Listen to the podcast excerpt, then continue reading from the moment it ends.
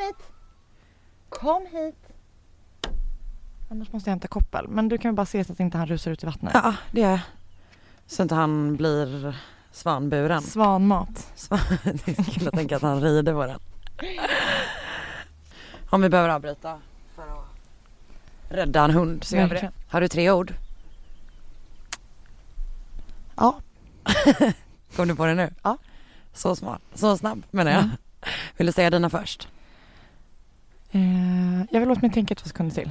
Vill du att jag säger mina? Ja. Eller vill du att vi bara väntar i tystnad en stund? Ska vi säga dem nu, nu, nu? Vi har inte hälsat välkomna eller någonting. Nej just det, hej och välkomna till Mord mot mord. En true crime podcast som görs av mig, Karin André och av dig. Anna Sandell och Sandell. idag även min familj kommer kanske vara lite bakgrund, bakgrundsljud. Exakt, vi är på din, eh, på din familjs land. Ja, Vi sitter mitt i sommarsverige. det gör vi verkligen. Vi är, ja, vi är ett med naturen. Eh, vi sitter utomhus, så jag, i mitt huvud så kommer det vara så lite mysigt kringljud. Exakt, lite Mm. kvitter. Vi har en hund, en tokig hund. Mm. Som eventuellt kommer kasta sig i vattnet och jaga en svan. Som inte är Molly. Det är inte Molly. Eh, svanen har just nu liksom gjort sig själv tjockare på något sätt. Jag tror att det är någon som försvarsgrej, vad tror du? Jag tror också det. Men det är en Den ser- liten retsticka. Den ser jävligt så uh, juicy ut. Ja. Får jag Hade gjort sig fint på ett middagsbord på 1700-talet. Verkligen. Jag skojar. Det finns faktiskt en jätteintressant, eh, det här är verkligen sidospår men ändå tips. Mm. En utställning som är permanent på Nordiska museet i Stockholm. Aha. Som heter eh, typ det dukade bordet från 800-talet till 1900-talet. Oh wow. Och just på typ något hundratal så är det, Så är det så jävla dukar de, alltså, ja men de dukar har en sån jättesvan, alltid så riktigt överflödsdukning och svanen är liksom huvuddekorationen. Men äter de svanen? Tror typ, jag tror inte det. Nej. Jag tror bara det är pampigt liksom. Nej en den ser pampig inte god ut. Den ser mer pampig ut än vad den ser god ut. Mm. Men så där, det finns en risk att vi kommer bli attackerade av en svan. Det att inte det här kul. blir så svanmord. Det blir vår, Kan an- annan podd om vårt fall. Blir vår andra fågelattack. I underdagen ja, precis. Eh, har du kommit på dina tre ord nu? Just det, för vår nya grej är att vi inleder varje avsnitt med att berätta, med att hinta om vilka fall vi ska göra. Ja. Genom att Eh, berätta tre kryptiska ord för varandra. eh, jag kan säga te, Ja. eh, gift Ja, och England. samma sak egentligen. Allt var egentligen bara synonymer till varandra. Eh, Okej, då säger jag mina. Japp. Då säger jag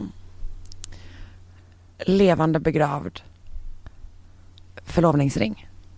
Jävlar. Det var, I min värld var det där bara två. Jag vet, men, men, och jag att tänker att vi det. kommer ha lite så flytande regler på den grejen. Ord. Mm. Alltså vad som är ord, om det är tre ord eller tre liksom Fraser. fraser, eller Mm. så. Eh, eftersom vi gillar att fuska Exakt. lite grann. Ja. Ehm, hur är det med dig annars? Det är bra. Jag har som sagt varit här ute sen eh, lördag morgon. Känner du dig väldigt Sännad. sen? Mm. Inte så med den här hunden som jag vaktar eftersom eh, han är eh, ett stycke Kan ADHD. du berätta mer? Berätta om din stressiga hund. Han är jättefin eh, Och hund. titta på. som är kompi- mina kompisars hund, Affe. Eh, han är jätte- jättegullig men han är extremt outtröttlig. Han blir inte trött. Han kanske totalt har simmat en mil idag. Inte ja, i, idag. typ idag. Ja, typ idag. Ja, Absolut under helgen. för jag var ändå bara, men jag kommer kunna, bara jag leker med honom en Ja, stund nu. så får man det sola sen. Nej, han nej. nu står han bara stirrar på oss och vill Mm. att vi ska kasta en pinne i, i vattnet. Men det blir inte så nu.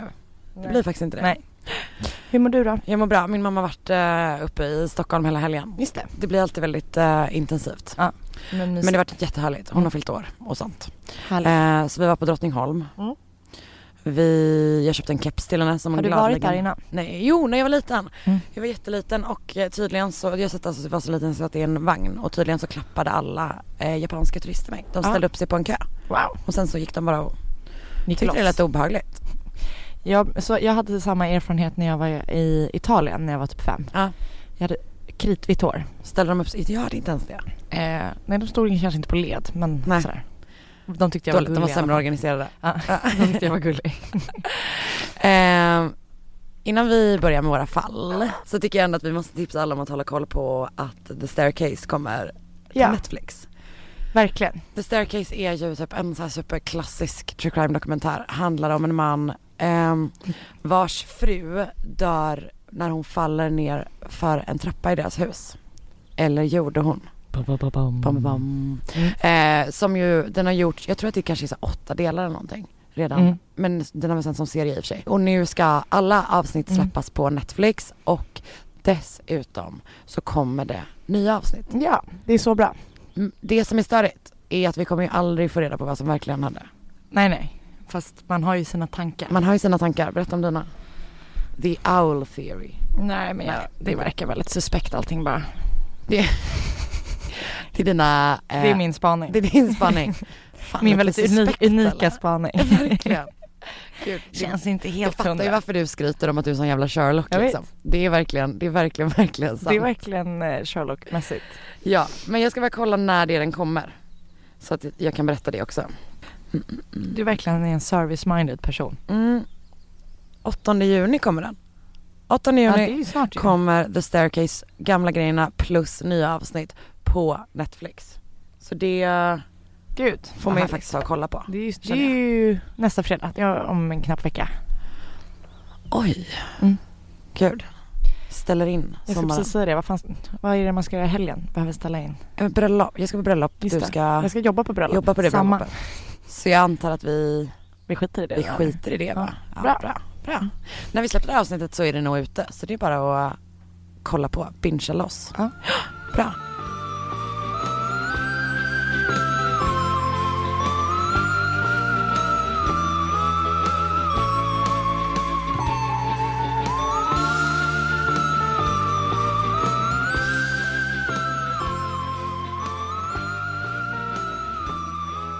Okej. Vill att jag börjar? Det spelar ingen roll. Vad vill du? Eh, men jag kör. Ja. 2005 träffas eh, Michelina Lewandowska och Marcin Kaspras... Kasperskas... Varför gör jag det här mot mig själv? Kaspr... Kasperczak, typ. I Polen. Mm. De blir superkära. Redan från början så känner Michelinas pappa typ att något är lite fel med Marcin men eh, att de tycker typ att han är så bortskämd, hans mamma är jävligt overprotective, det känns som Mm. att han inte riktigt har behövt vara vuxen typ. Han är inte så ansvarstagande. Eh, men trots det så bestämmer sig Michelina och Marcin året efter, alltså 2006, för att flytta tillsammans till Storbritannien av samma anledning som många andra polacker gör, det vill säga för att få jobb. Mm. Eh, och då flyttar de in med hans föräldrar i Fe- Feney Bridge. De är- bor redan där. de bor redan där. Mm. De flyttar till Marcins föräldrar eh, som bor i Feney Bridge vilket är en liten ort utanför en lite större ort som heter Huddersfield vilket ligger mellan Leeds och Manchester. Eh, så där är vi rent geografiskt. Ja. Strax efter att de har flyttat dit så friar Marcin till Michelina. Hur gamla är de? Ehm, 2012 var hon 27. Mm. Och nu är vi då på 2007. Så det är fem år tidigare. Hon var 22. 22. Ja. Gud vi har blivit så snabba på matte. Verkligen. Vill, inte- vill du sitta i skuggan? Matematiker. Nej det är lugnt, det är skönt. Matematiker. Så ehm, strax efter att de har flyttat dit så friar Marcin då. 2008 föds deras första barn. Mhm. En liten pojke som heter Jakub. Ja, som Jakob fast med U. Mm. Men under graviditeten så har deras relation börjat försämras. Och det som typ, för de var verkligen så superlyckliga. Eh, du vet med hela fylleriet, allting var Mm. så här tipptopp verkligen. Eh, men det blir sämre och sämre. Och när barnet kommer, alltså för man fattar ju typ en graviditet sliter ju på en relation såklart. Ja, ja. Men ett första barn gör ju det också Mm. och det är inte som att de bara, ah, nu har vi skitmycket tid att ta hand om varandra liksom Nej. när barnet väl har kommit. Eh, så det fortsätter att försämras. Ehm, så förlovningen avbryts men de är liksom fortfarande ihop, de bor ihop och hon fortsätter ha på sig förlovningsringen. Mhm. Men det är liksom inte det att de planerar, de planerar inget giftermål utan är så här, nej, ja, det, är verkar som att de lever lite Mm. separata liv och liksom hela den grejen. Men de bor ihop fortfarande hemma hos hans föräldrar. Just det. Anledningen till att jag inte såg min dator alls var för att jag hade på mig solglasögon. Tog av mig dem nu. kommer den här storyn bli mycket, mycket bättre. Marcin, han får för sig att han ska bli någon slags bodybuilder. Jag tänker att du säger fel hela tiden, att jag vill rätta dig och säga stav- Marcel. Det bestavas M-A-R-C-I-N så det kan säga Marcin eller Marcin. Nej men det är säkert rätt men jag tänker Men att han jag heter kommer Marcel kalla honom för. Marcin. Eh, också han kommer visa sig vara ett as-spoiler. Mm. Så att jag är okej med att uttala hans namn fel om jag gör det. Eh, jag kan ge mig på hans efternamn snart igen. Mm. Ja, han börjar träna svin mycket på gym, Mm. fem dagar i veckan. Det är kanske inte svin mycket. Jo men det är väl Det är ganska mycket. Man Eh, måste väl ha typ vilodagar för att bygga muskler har jag Just hört. det, just det. Välkommen till Annas träningsskola. Den är verkligen dålig. det är verkligen Så det är inte med vila. grattis till er. mycket vin och mycket vila. De två vena. Det är därför jag, jag har valt mig att gå, valt att gå med i din, Mitt gym. i ditt, ditt gym. Exakt.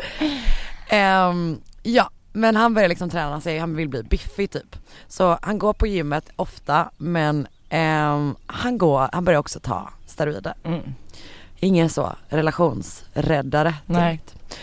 Så relationen fortsätter bli sämre och sämre men eh, det förekommer i alla fall inget våld i relationen. Det är bra. Mm, alltid någonting. Tills en dag. Med Hedvigs hemförsäkring är du skyddad från golv till tak oavsett om det gäller större skador eller mindre olyckor. Digital försäkring med personlig service, smidig hjälp och alltid utan bindningstid. Skaffa Hedvig så hjälper vi dig att säga upp din gamla försäkring. Hedvig hemförsäkring, ett klick bort. Michelina blir så himla himla glad när Marcin en morgon i maj 2011 föreslår att de ska åka och shoppa ihop. Mm. Hon bara, ja typ så här, nu kommer vi, nu ska vi göra någonting ihop och vi kommer kunna börja jobba på vår relation och du vet prata igenom allting och kanske kunna bygga vidare typ. Du vet när man bara, när man har det så piss så är det så små grejer Som, som, gör kommer göra en så himla glad. Att man bara får hopp om hela världen när, det, när hela världen brinner. bara Verkligen, det är någon som kommer med ett glas vatten typ. Verkligen, de bara, det betyder true love. True love. Man har ju alla varit där fast Exakt. Eh, nu ska jag berätta om någonting som man inte alla varit med om. Eh, Marcins mamma passar Jakob, det är inte det som inte alla varit med om. Eh, och eh, hon börjar typ fixa, fixa sig och står inne i badrummet när hon hör att han pratar med en annan snubbe. Men det är så här, folk kommer och hälsar på ibland Mm. så det är, inget, det är ingenting hon reagerar på. Så när hon har sminkat sig klart så går hon ut ur badrummet och då möts hon av Marcin och av eh, en pojke eller kille som heter Patrik Borish som är 17 år gammal och han bor i samma område. Men det står bara att han är så här, a local boy. Man Ah, vet inte varför han hänger med typ en 17-åring när han är, hur gammal han eh, är. hur gammal han nu är, typ 27 eller någonting. Men men, eh, Marcin säger då att han ska visa henne en grej. Det han vill visa henne är en elpistol. Han säger att han ska visa hur den funkar. Han sätter den mot hennes hals och trycker av. Skämtar du? Hals, elpistol mot hals. Ingen våld tidigare i Fy relationen. fan vad sjukt. Det blir sjukare. Han trycker ner henne på golvet, sätter sitt knä mot hennes bröstkorg och trycker elpistolen mot hennes hals igen. Alltså det är verkligen grovt typ. Hon kämpar för att så här, hålla sig vid medvetande. Mm. Det här är då min pappas fru Agneta som man hör i bakgrunden. Ja. Så bra. Som tipsade dig om korvmordet. Korvmördaren. Exakt. Han är stor, Marcin. Mm. Alltså han väger, eller så, han väger typ 100 kilo, hon väger typ 55 liksom. Hon kan inte göra någonting. Han är också som sagt en gymkille på steroider. Ehm, så när hon ligger där säger Marcin till Patrik att hämta tejp eh, och sen tejpar de hennes fotleder och handleder. Vad fan. Och sen lämnar de henne i hallen. De Och bara går där. försvinner. Två timmar senare kommer han tillbaka. Marcin. Han lyfter upp Är hon vid medvetande då? Ja men hon, typ, hon, så här, hon kämpar verkligen Mm. för att hålla sig vid medvetande för att hon, Mm. hon, om hon inte är det så vet hon ju inte vad som kommer hända Nej. liksom. Eh, men efter två, två timmar kommer han tillbaka, lyfter upp henne, bär in henne i köket. Där lägger han henne i en kartong. Alltså vad då för typ av kartong? Alltså men typ, ja, det är åt flyttlådehållet liksom. Okej. Den sortens. Ehm, och så tejpar han igen locket. Sen sätter han sig bredvid lådan och säger att han hatar henne. Att han har hatat henne i flera år. Vad fan. Hon tänker, det här tycker jag är så, alltså det här säger typ så himla mycket om vad man liksom lurar sig själv. Eller för att man inte kan förstå vad det är som händer. Eh, att hon tror att det är något slags skämt. Mm. Man bara, nope, det är inte det.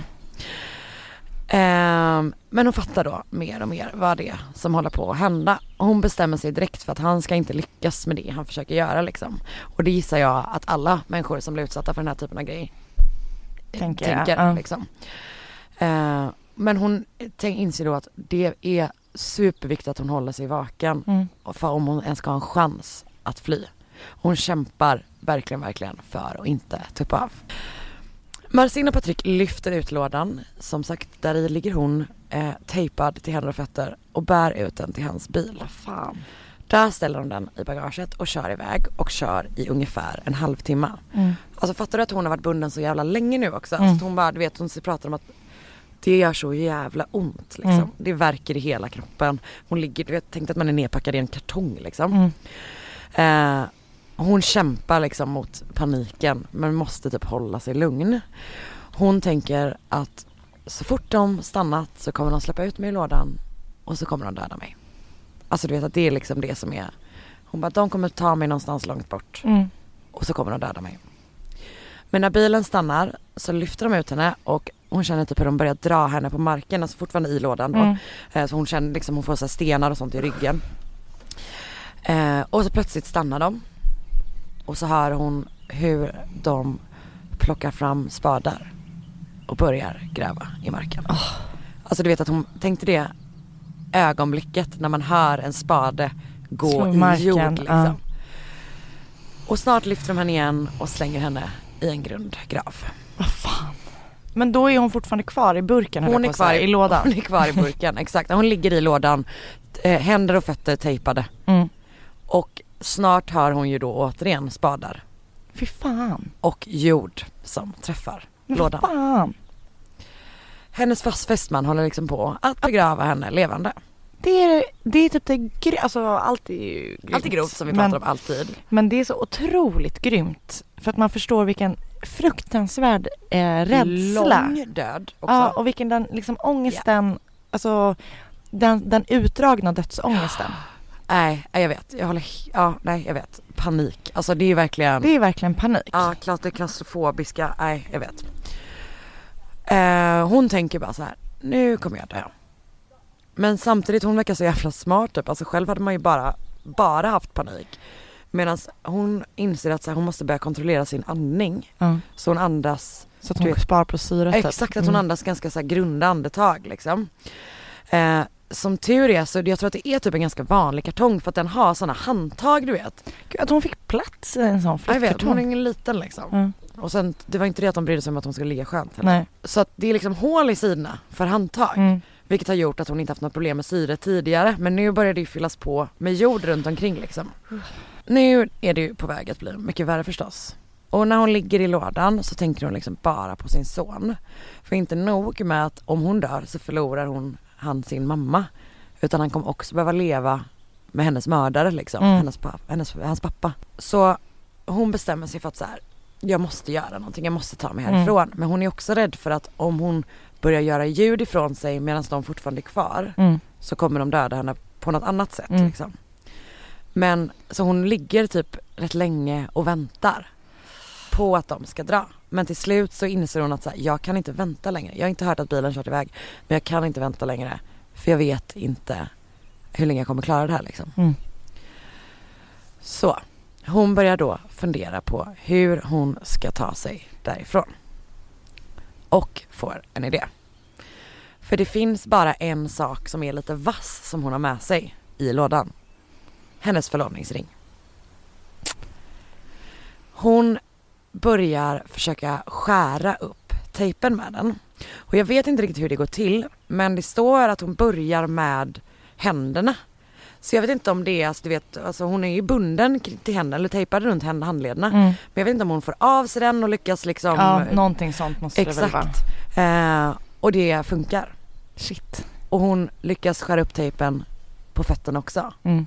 Problemet är ju att hon är fortfarande levande begravd. Mm. Hon måste fortfarande ta sig ut ur den här jävla lådan för annars så dör hon. Ja hon kommer dö utan bundna händer och fötter Mm. men ändå liksom. Det hjälper inte så mycket. Så hon börjar använda förlovningsringen för att gräva sig ut liksom genom kartongen. Shit. Att hon bara, du vet, hon så här, I kept slashing at it and Mm. punching at it typ. Och till slut har hon lyckats få till ett litet hål där Mm. hon får ut sin arm. Det är bara det att då faller ju jord ner Mm. på henne liksom. Så att det är bara, du vet hon börjar täckas av jord. Mm. Hon får återigen panik och liksom är övertygad om att hon kommer dö av det här nu Såklart. istället typ. Eh, men hon bara använder paniken återigen, börjar sparka uppåt liksom. Sparka och slå uppåt, uppåt, uppåt. Eh, och hon gräver i jorden utanför, hon fortsätter använda förlovningsringen. Hon fortsätter kämpa och kämpa och kämpa och till slut så får hon upp sitt huvud.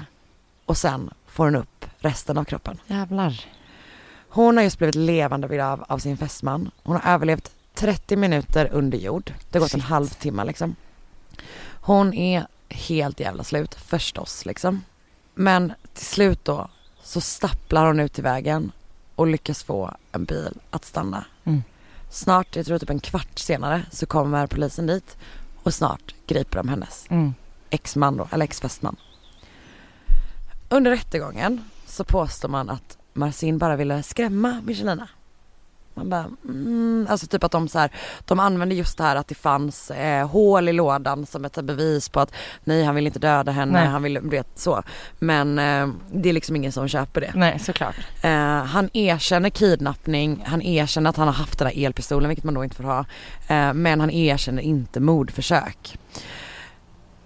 Nu kommer en båt. Under rättegången så målas liksom en bild upp där Marcin, eh, Marcin ville att Michelina skulle försvinna. Mm. Men han ville inte bli av med barnet. Han ville få vårdnaden om barnet. För han ville typ att hans mamma skulle så här hjälpa honom och uppfostra Ah, ja. honom liksom. Hans plan var, ja men helt enkelt att få henne att försvinna. Så att han kunde ha deras gemensamma unge liksom. Och hur han har fått den här 17-åringen att hjälpa honom, Verkligen. I don't know. Alltså det är så jävla konstigt. Mm. Jag har inte hittat speciellt mycket om deras relation överhuvudtaget Nej. men så. Så trots då sitt nekande så döms eh, Marcin till 20 års fängelse för mordförsök men han döms också för kidnappning och innehav av en elpistol. Patrick Boris döms till fyra och ett halvt år i någon sån youth facility Mm. grej för kidnappning. Och jag har läst ganska mycket, alltså det är så jävla fint för att i alla artiklar där de intervjuar poliser och sånt så lyfter de typ fram vilken otrolig person den här Michelina är. Att de bara, inte nog med att hon typ kämpade så jävla hårt för att överleva det här och hon gjorde det för sin sons skull och hela den grejen. Utan hon har också kämpat så extremt mycket för typ rättvisan. Ja, Alltså att alla lyfter fram henne som en otrolig, otrolig person Mm. liksom. häftigt. Och efter rättegången så gjorde hon ett statement som jag tänkte att jag ska läsa för dig. Mm. During my time inside my shallow grave, where I was buried alive, I feared that my life was at, uh, at an end and I was going to die. I prayed to God to help me survive so that I could look, look after my young son. The thought of my son gave me the strength to fight my way out of the box and save myself. For many years I loved Marcin Ka- Kaspraszak. But after this horrific attack upon me, my feeling towards him have turned to hatred.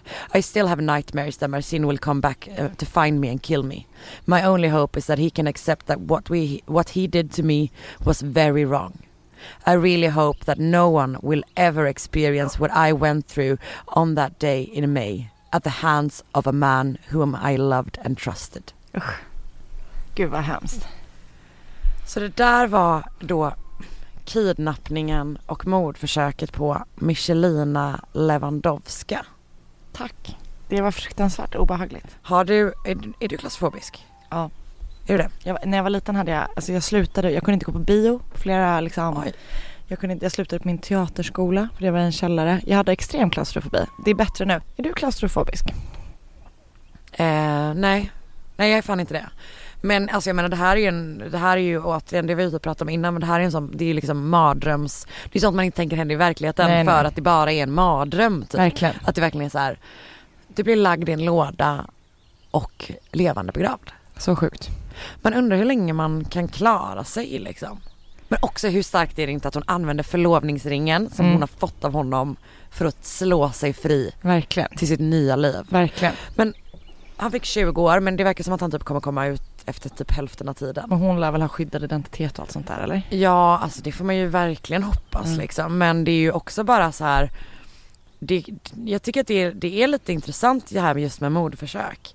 För att det är så här, Mm. ja det är klart som fan att man inte kan döma det som ett mord. Nej. Men det Men var man ju, borde ju. eller det eller- var ju, det, han, det var ju han som, det han ska väl inte ha praise för att han är en dålig mördare. Nej exakt. Tänker jag. Mm, verkligen. Eh, alltså det var ju otroligt överlagt ändå liksom. Helt sinnessjukt. Helt sinnessjukt. Mm.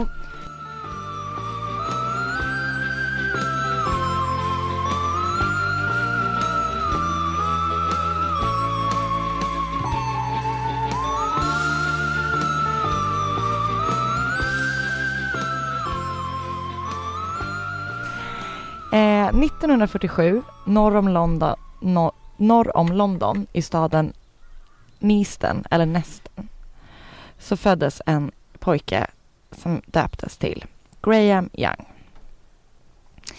Eh, under tiden som Grahams mamma väntade honom fick hon lungsäcksinflammation och när Graham bara var tre månader gammal så dog hon i tuberkulos. Eh, när mamman hade dött så bestämde sig pappan för att eh, han skulle lämna bort Graham till eh, Grahams moster slash faster och man. Och Grahams syster skulle få bo hos mor slash farföräldrar. Ja. Vet inte vilket av dem. Jag bara, en sekund jag bara, gud vad det sam, var, var hans faster också, hans moster. Men nu förstår jag vad du menar. Det, Nej, men jag vet inte om det var, text. exakt. Ehm, så att de separeras då från sin pappa vid en jätteung ålder och eh, sådär från varandra, syskonen. Ehm, under eh, sina två första år så bodde han med sin faster slash moster eh, och de blev väldigt, väldigt nära. Och under den här tiden som Graham bodde där så träffade eh, Grahams pappa en ny kvinna. Och eh, när Graham bara var några år gammal så tog eh, pappan och styvmamman som heter Molly tillbaka eh, barnen för att bo med dem. Ja. Eh, Graham visade upp eh, väldigt mycket stress, stress, Stress. stress och missnöje när han återigen skulle flytta in med sin pappa och Alltså, Molly. Förlängigt ju. Verkligen. Ehm, så att ehm, Graham utvecklades till att bli ett ganska eh, speciellt barn som hade egna liksom, eh, speciella vanor eh, och intressen och han uppvisade eh, inte någon ansträngning eller intresse av att umgås med andra barn i hans egna ålder. Mm. När han blev gammal nog att börja läsa eh, så tyckte han främst om att läsa icke-fiction och mordhistorier. Som Mm. vi Det är inget fel med det i och för sig. Eh, en av hans eh, favoritmördare var en Dr. Kippen som var en ökänd förgiftare i England. Vad är det, är det ett riktigt fall? Det är Liksom? ett riktigt fall. Ja. Eh, och när han blev lite äldre och blev tonåring så visade han en stor fascination för Hitler. Och han började... Det kan man inte relatera till. Det Nej. vill jag verkligen vara tydlig med. Verkligen. Eh, och han började pryda sig själv med svastikas och han hyllade Hitler och påstod att eh, Hitler liksom var missförstådd i allting han hade gjort. Jag tycker, bara en liten grej. Ja. Jag tycker det alltid är så kul när folk säger att Hitler är miss, Det är, missförstådd. det är typ Man det larvigaste man har hört i hela sitt Också vet du, det känns som att Hitler hade hatat det. Att Hitler hade blivit så jävla lack och man hade någon Verkligen. som bara nej nej nej alltså han vill inte ens. Exakt. eh, han blev också i, runt den här åldern intresserad av det ockulta och hävdade att han besatt Wicca-kunskap. Eh, och så försökte han få med sig barnen i staden där han bodde för att liksom utföra ockulta ceremonier. Eh, Han försökte starta en liten sekt. typ. Eh, en av de här ceremonierna infattade, infa, innefattade eh, offrandet av en katt. Nej. Eh, men det var fler katter som försvann i området så man kan tänka att han liksom Mm. gjorde det flera gånger. Ja. Eh, I skolan så var han bara intresserad av eh, olika kemi, eh, eller av kemiämnet. Eh, och han tyckte att det han fick lära sig i skolan var väldigt begränsat. Så han började tidigt att liksom ta sådana extra curricular kurser som var mer avancerade kemistudier. Eh, Och hans pappa då, som jag antar typ att mina föräldrar också hade gjort, eh, uppmuntrade honom att så här, fortsätta förkovra sig i så här, ja, superbra. liksom det. Att Ja. Vad härligt att du tar advanced chem som 13-åring typ. Eh, av sin pappa fick han ett sånt där um, kemiset som han tillbringade mycket tid med. Och när Graham bara var 13 år så var han liksom typ fullt utbildad i kemi. Kemist. Ja. eh, han gick in då till en eh, local chemist där han lyckades övertyga den här eh, butiksmänniskan att han var 17 år istället för 13. Och på det sättet eh, lyckades han eh, skaffa sig massa farliga gifter och tungmetaller. Just det, för 17-åringar ska ju ha det. Ja men det måste ha varit någon slags myndighetsålder tänker jag. Ja, exakt. Men det är så Eh, kul att de bara, Jättekonstigt. eh, 15 nej, 16 nej, 17 absolut. Ta en atombomb. Ja. Eh, men han fick de här grejerna då för att han hade liksom, han ville studera de ämnena. Mm-mm. Ehm, och han var så nyfiken på att testa sina kunskaper eh, så att han bestämde sig för att testa de här gifterna. Och först ut eh, var hans eh, fellow kemi, kemi, kemikompis Christopher Williams. De pluggade ihop och så här gillade, var båda intresserade av kemi. Eh, så att eh, det Graham gör är att han börjar förgifta eh, Christopher. Och efter det började han kräkas jättemycket och fick våldsamma kramper och huvudvärker. Och eh, Grahams giftcocktail gjorde också att läkarna hade förstå, svårt att förstå varför Ah. han mådde så dåligt. De kunde liksom inte hitta hans felet på honom. Och så jag tänker att man inte typ, ens första, det första man går till är ju inte så här. Du, Det måste du vara förgiftad. av Nej. din, din, din barnkompis. Barn liksom, nej. Eh, men som tur var så överlevde han och man tror att det handlar om att han liksom, för att Graham inte riktigt vågade testa fullt, Fullt ut. ut. Eh, och det sägs också att Graham tyckte det var en besvikelse för att han kunde inte bevaka Christopher efter att han hade fått gifterna. Så att ehm, eh, han har liksom svårt att se vad följderna blev. Så Graham bestämde sig för att testa igen, fast på någonting ännu närmre. Eh, så 1961, när Graham var bara 14 år gammal, började han förgifta sina familjemedlemmar. Eh, och de visade då upp samma tecken. Eh, Men gud. Mm. Hans pappa trodde först att det handlade om att de blev, anledningen till att de blev sjuka var att eh, Graham liksom var lite nonchalant med hur han hanterade sitt kemisätt när han liksom experimenterade hemma med det. Att han blandar i en vanlig skål. Ja men typ. Mm. Och att det var det som gjorde att familjen blev sjuk. Eh, men Graham liksom förnekade de anklagelserna. Eh, och ingen trodde någonsin att han gjorde det här eh, med flit eftersom han själv också blev sjuk vid ett flertal tillfällen. Oj. Eh, och man vet inte om han gjorde sig själv sjuk eh, med flit för att undvika misstankar mot sig själv eller om han faktiskt var intresserad av sin egen reaktion Just på gifterna. Eller om det liksom var bara ren vårdslöshet från hans eh, håll. Men gud. Det Mm. är superspännande. Det är det konstigaste jag hört. Det är ett Eh. barn som förgiftar sig själv och hela sin familj. Verkligen. Mm. Så under hösten 1961 Mm. så upptäckte läkare att Grahams syster Winifred hade blivit förgiftad av belladonna som är något läkemedel. Mhm. Eh, det heter något annat men namnet är liksom common name på det är det. Okej. Varpå Grahams pappa misstänkte honom igen. Förlåt jag ska inte äta min kaka nu. Det är så gott. Jag kunde typ inte låta bli. Mm, Jag Eh. sparar min med i, eh, av, um, ja vad fint. vad heter det? Sympati? Nej. Solidaritet. Solidaritet. Det är det finaste någon någonsin har gjort. Mm. Tack. Gud. Fattigt liv. Verkligen. Ehm, så att eh, eh, Grahams pappa misstänkte Graham igen för hans systers förgiftning. Men han agerade ändå inte på det. Eh, och kort efter det så skiftade Grahams fokus igen från sin syster. Eh, och nu skulle det bli pappans fru Molly som skulle bli hans main target. Graham förgiftade henne långsamt, långsamt och hon blev sakta men säkert sämre och sämre. Och en dag hittade Grahams pappa sin fru på bakgården till deras hus där hon låg och vred sig liksom i smärtor. Eh, och Graham satt bredvid och tittade på, men gud. eh, helt fascinerad. Pappan tog då med Molly i ilfart till sjukhuset men hon dog ändå samma natt. Eh, och då kom hennes man att hävda att hennes död var en följd till liksom eh, något slags förfall av hennes ryggrad typ. Alltså att den hade luckrats upp typ. Jag vet inte exakt hur. Nej. Men ingen tittade närmare på det heller vid det tillfället.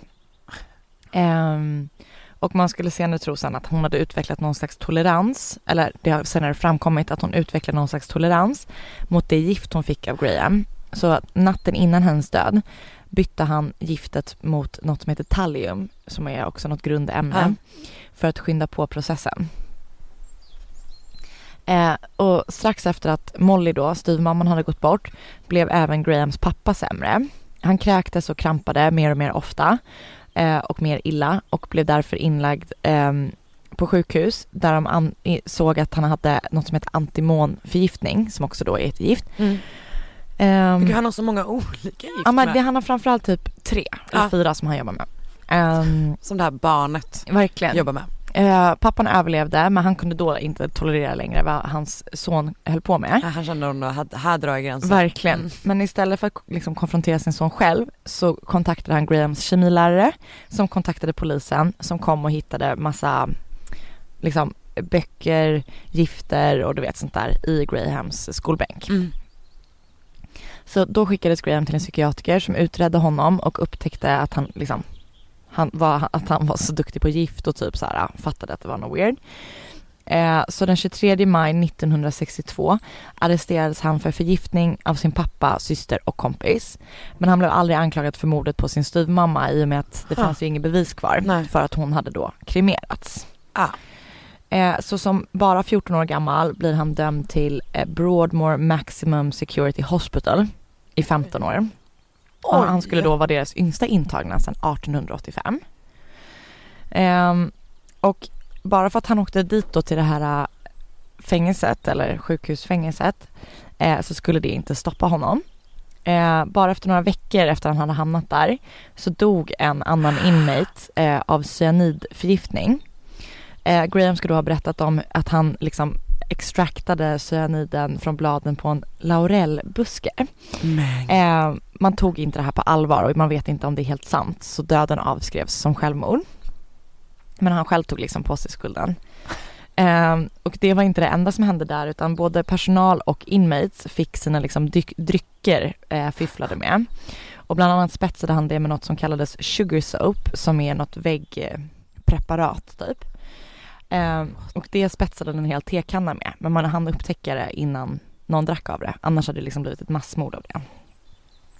Så konstigt. Men liksom när han är inlagd. Ja. Men bara låt inte han, Jag låt inte inte, den här giftkingen Få tag på komma det. åt Jag vet. saften liksom. Så konstigt. Eh, och han fortsatte att forska och läsa om gifter när han satt där inne. Och han förstod att han var tvungen att hålla det dolt. Eh, för att eh, han ville liksom framstå som att han var botad så att han skulle sprida upp hela sin frigivningsprocess. Så i slutet på 60-talet eh, ansåg hans läkare att han hade blivit botad från den här giftfascinationen. Eh, eh, och han blev frisläppt i juni 1970. Så då har han alltså suttit i åtta år. Tror jag. Ja. Och innan han släpptes så sa han till sköterskan att han planerade att döda en person för varje år han suttit i fängslad. Men det, och de på- bara, ut med dig. ja, de, det påverkade liksom inte hans Nej, nej men perfekt. Eh, när han kom ut så tog han kontakt med både sin pappa och sin syster. Och eh, pappan ville först inte ha någon kontakt med honom och inte systern heller. Men hon var mer förlåtande mot Mm. honom. Men de verkar inte få någon supertight relation. Eh, men Förståeligt. när han kommer ut då är han alltså 14, 8, han är 22 år gammal. Eh, så börjar han göra eh, resor till London där han bunkrar upp antimon, tallium och andra gifter som han skulle behöva för sina experiment. En person som bodde på samma hostel som honom på en av hans Londonresor fick eh, samma sjukdomssyndrom och kramper som Youngs tidigare eh, offer, alltså tidiga offer hade Ah. uppvisat. Så kramper och kräkningar och sådär. Vet inte om han dog. Ehm, så efter ett tag efter han hade kommit ut så fick han jobb eh, på typ en fotosupply-företag. Ja. Så jag tänker att de säljer du vet sånt som man gör film av och typ hur man framkallar film och så. Alltså Ja. gammal film. TV. Nej. Eh, Ja. ja, gamla fotografier. Ja. Liksom, gamla kameror.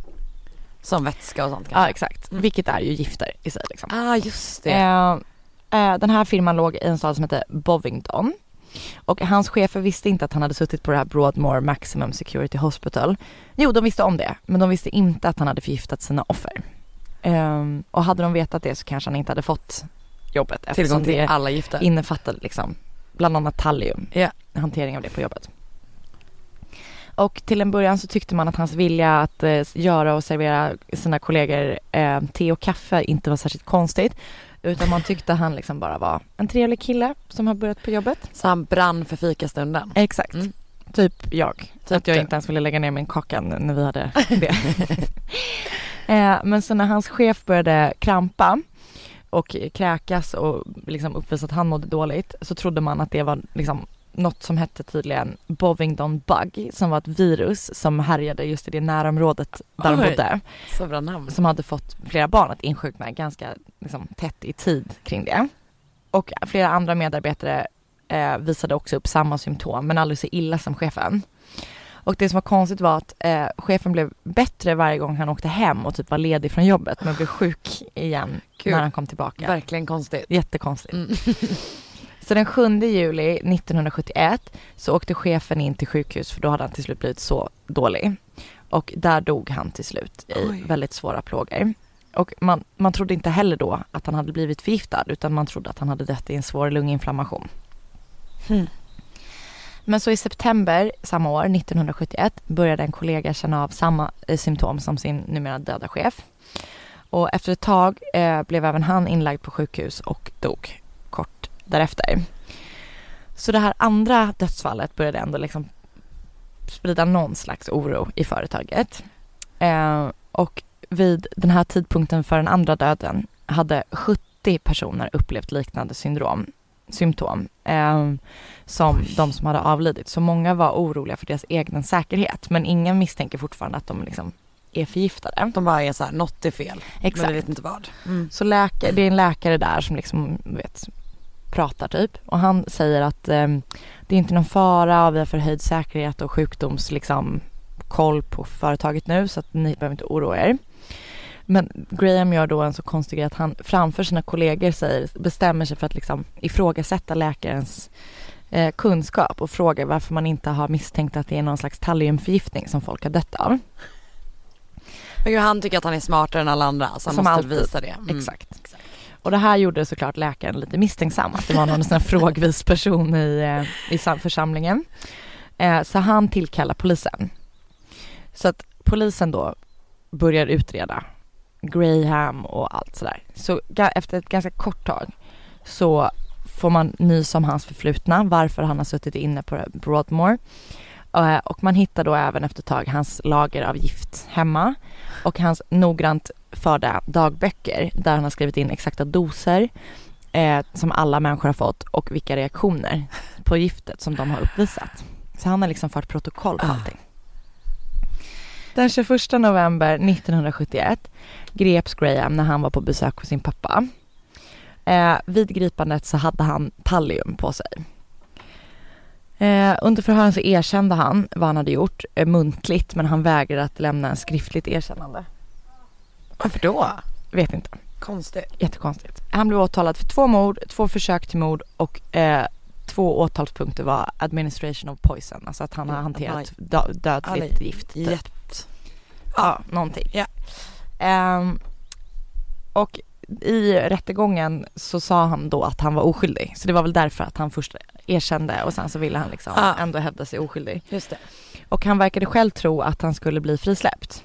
Han trodde att det skulle bli svårt, eftersom han hade liksom, han hade ju inte blivit dömd för sin mordet på sin styvmamma. Nej. Så han trodde typ att det skulle bli svårt att bevisa vad Men han, hade hade gjort. ju för fan en hel jävla kale- alltså, kalender där han hade skrivit allt han hade gjort. Väldigt konstigt. Ja. Och han hävdade också att här, han var ju inte den enda som hade motiv att döda varken sin chef eller kollega. Men, ja. ehm, han älskade också all uppståndelse som det blev runt honom i media.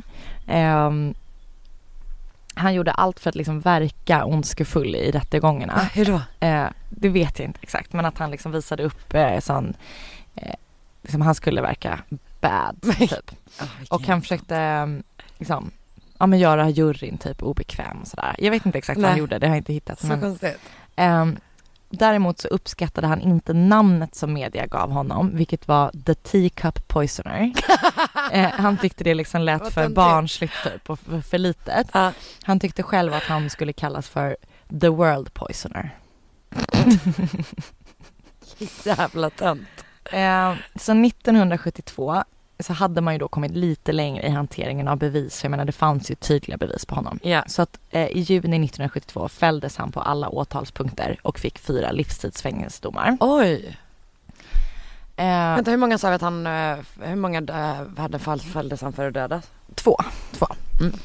Ehm, efter den här rättegången så bestämdes det också att man skulle se över eh, behandling, utvärdering och utsläppet av brottslingar som sitter eh, dö- dömda till rättspsykisk vård, Mm. rättspsykiatrisk vård.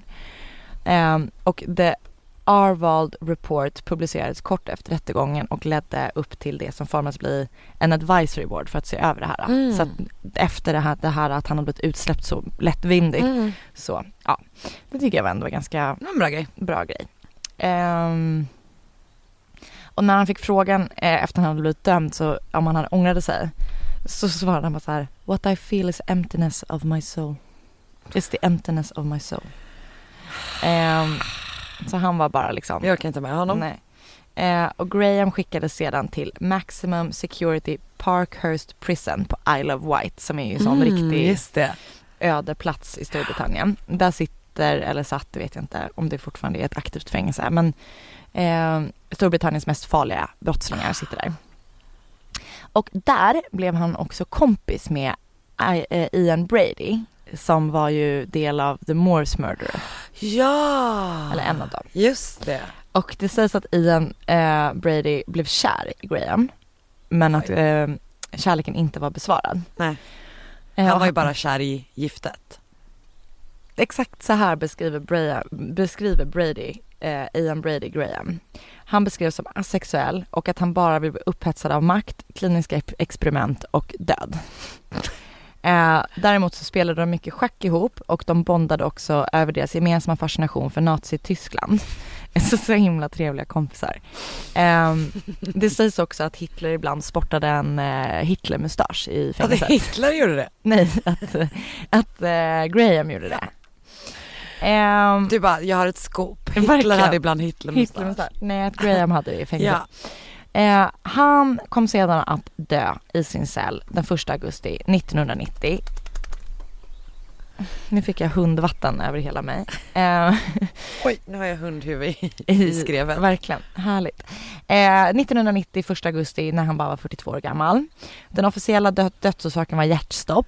Eh, men det sägs att, eller en del trodde då att han har blivit förgiftad av de som han satt inne med, som, för att de hatade honom typ. Oj. Mm. Jag tänker att han var äkta störig att sitta med. Det tror jag också. Att han tyckte att han var så jävla fräck. Det tror jag också. Men han står också, eh, han blev jättenöjd för att innan han dog så blev han också en Madame Tussauds eh, vaxfigur i Ah, i deras... eh, skräckkabinetten. Exakt. Men Och gud, han jag visste inte att de har riktiga. Jo, där får han stå bredvid Dr. Kippen. Hans idol. Ja. Men ska man verkligen ge Jag det vet. till en sån person? Nej. Nej, jag tycker fan inte. Och att det var så nutidigt. Ja, det Mm. läste jag i alla fall. Jag har inte sett den live men det stod att den fanns. Gud, nej. Mm. Så det var The Teacup Poisoner. Teacup och jag blev Poisoner. tipsad av den på Instagram. Så Fan eh, vad glad jag blev att han fick ett sånt tips. töntigt namn. Mm. Det, det gjorde mig glad. jag blev väldigt glad att jag fick ett bra tips från en sån himla härlig lyssnare. Ja, ah, vad bra. Mm. Eh, men det är ju just förgiftare är ju fan Riktigt Ah. obehagligt. Ja, Men han var ju jävla rikstokig. konstigt med. Men jag tänker typ att det är så här. Mm, Nu äter jag min kaka. gör det. Jag, Gud, du kunde verkligen inte slå ihop datorn snabbt nog. Alltså jag var så sugen. Ehm, men jag tänker att det, det är just det när man typ tycker att man är lite smartare liksom. Det är vidrigt. Ja.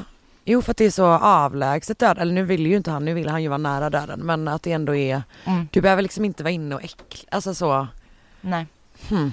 The teacup poisoner. Japp. Tack snälla. Tack själv. Också Morse Murders kan man ju kolla upp om man vill, Det är väldigt obehagligt. ja om man vill bli lite deppig en stund. Mm. Okej. Vi har ju bestämt att vi ska, för att vi ska avsluta alla avsnitt Japp. med någon slags lyssnarinteraktion. Något vi har, något som våra lyssnare har skrivit till oss om på Instagram. Där du heter Anna och jag heter Karin Landré. Eller i våran Facebookgrupp Mord mot mord podcast. Mm. Som man jättegärna får gå med i. Ehm, och jag har det ansvaret den här veckan. När vi precis drog igång gruppen så skrev jag typ, en, ja, men typ någon grej och så frågade jag så här, vad det var som hade fått folk intresserade av true crime. Mm. Och då kom det in ganska många roliga svar på det. Mm. Så jag tänkte att jag ska läsa två stycken så kan du få reagera. Amanda skriver. Minns Knutbydramat? Utropstecken. Var 11 då och det var när Peter Dokumentär gjorde någon som, eh, som, det, som jag verkligen fastnade. Sen minns jag saker från när jag var liten. En kille som bodde på vår gata när jag var liten som min syster kände. Försökte hugga ihjäl sin mamma men, Men hon kom gud. undan och när polisen kom fram hade han skurit sig själv och förblött. Nej. Väldigt sorgligt. Gud vad mörkt. Sen kommer det här. Och det här är också väldigt sorgligt men också, mm, hon ska beskriva det bara roligt. Var även med i ett gisslandrama på dagis när jag var runt fyra år. Okej, är det här samma person? det här är samma person. Men gud.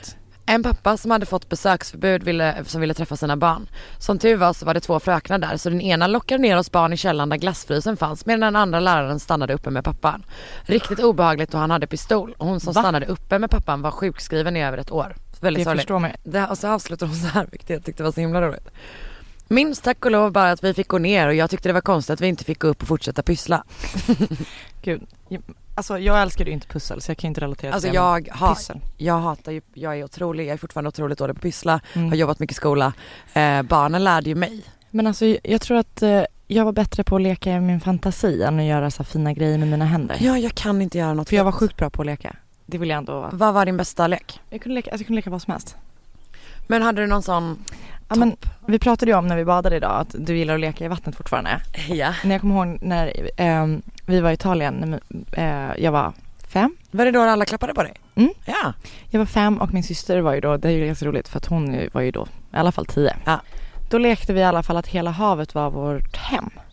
Så vi sa, jag går in i vardagsrummet och sen så lajvade vi liksom hem där. Så härligt. ja, det, var, det kanske inte låter som en så avancerad lek men det Jag var tycker, en det, bra lät- lek. jag tycker det lät härligt. Ja. Min bästa lek var när vi var på, när jag var liten och det var typ när På rymmen var, Ja, älskade den. då var vi på Näs slott. Oj. Det är en hund som kräks här. Inte min svåger. Eller? Eller? Ja. Ehm, då var jag på Näs slott och då var det typ en lek som var att man, ehm, men man liksom, eh, man delade in sig två i två lag. Och så lekte ni tjuv och polis. Ja men nej men det var mer att man skulle typ se, det var inte liksom en som jagade den andra utan man skulle se varandra utan att den andra såg en. Alltså Ah. lag, liksom, och så hade man kanske typ en timma. Så smög man omkring och sen var man tvungen att säga bara vi såg er där och där vid den tidpunkten, ni gjorde det här. Och sen räknade man den som hade sett flest gånger. Wow. Jag vet inte varför låter lätt att fuska typ. Jag vet men man hade i alla fall en kompis med sig som eh, kollade den liksom. Sen har vi en till. Mm. Eh, Anna har skrivit. Eh, Hade du någon koll på Elisabeth Batteri förresten? Ungersk, ungersk drottning. drottning som enligt myten åtminstone mördade alltså typ så här 400 unga flickor för att hon trodde att deras blod skulle hålla hennes. Aha. hy ung. Typ. Ah, ja. Det är en sån grej. Klassiskt. Jag har också typ läst att det är typ en patri- patriarkal historia att det inte riktigt var så det var. Nej. Men eh, i alla fall så har Anna skrivit så här. Räknas batteri som dåtidens true crime? I sådana fall så var det när vi som sexåringar får gå på en pjäs om henne. Så mycket fake blod. I efterhand tveksam föreställning Alltså för barn. verkligen, vad, vad fan var det för fritidspedagoger som tog med sina ungar dit? Alltså hela den storyn handlar ju om jättemycket blod. Det är Gud, det sjukt. enda det är i den Fan vad storyn. roligt. Det är så roligt att få se, även om jag inte hinner läsa allt för att eh, den enda personen jag har kontakt med på Facebook i vanliga fall är ju du. Exakt. Men det var fantastiskt kul. Ja, eller hur? Och nästa vecka är det min tur att välja Så mycket fake blod. Skriv något kul till nästa vecka. Skriv något kul det till är oss. tävling. Eh, exakt, det är numera en tävling tydligen. Nej, Vi, vi, vi kommer liksom pin you against each other. Det Nej. kommer bli härligt. Ehm, men vi hörs, ja, vi hörs av på Instagram där man, om man vill till, önska fall. Mm. så gör man det på Instagram Japp. till bara en av oss. Eh, allt annat gör man i Facebookgruppen. Precis. Bra. Tack Eh, för vi idag. Nu hörs ska vi åka in till stan. Ja, Bu. bu, vi stannar kvar. Vi Mm. bor här nu. Hej då. Hej då. Med Hedvigs hemförsäkring är du skyddad från golv till tak oavsett om det gäller större skador eller mindre olyckor. Digital försäkring med personlig service, smidig hjälp och alltid utan bindningstid. Skaffa Hedvig så hjälper vi dig att säga upp din gamla försäkring. Hedvig hemförsäkring, ett klick bort.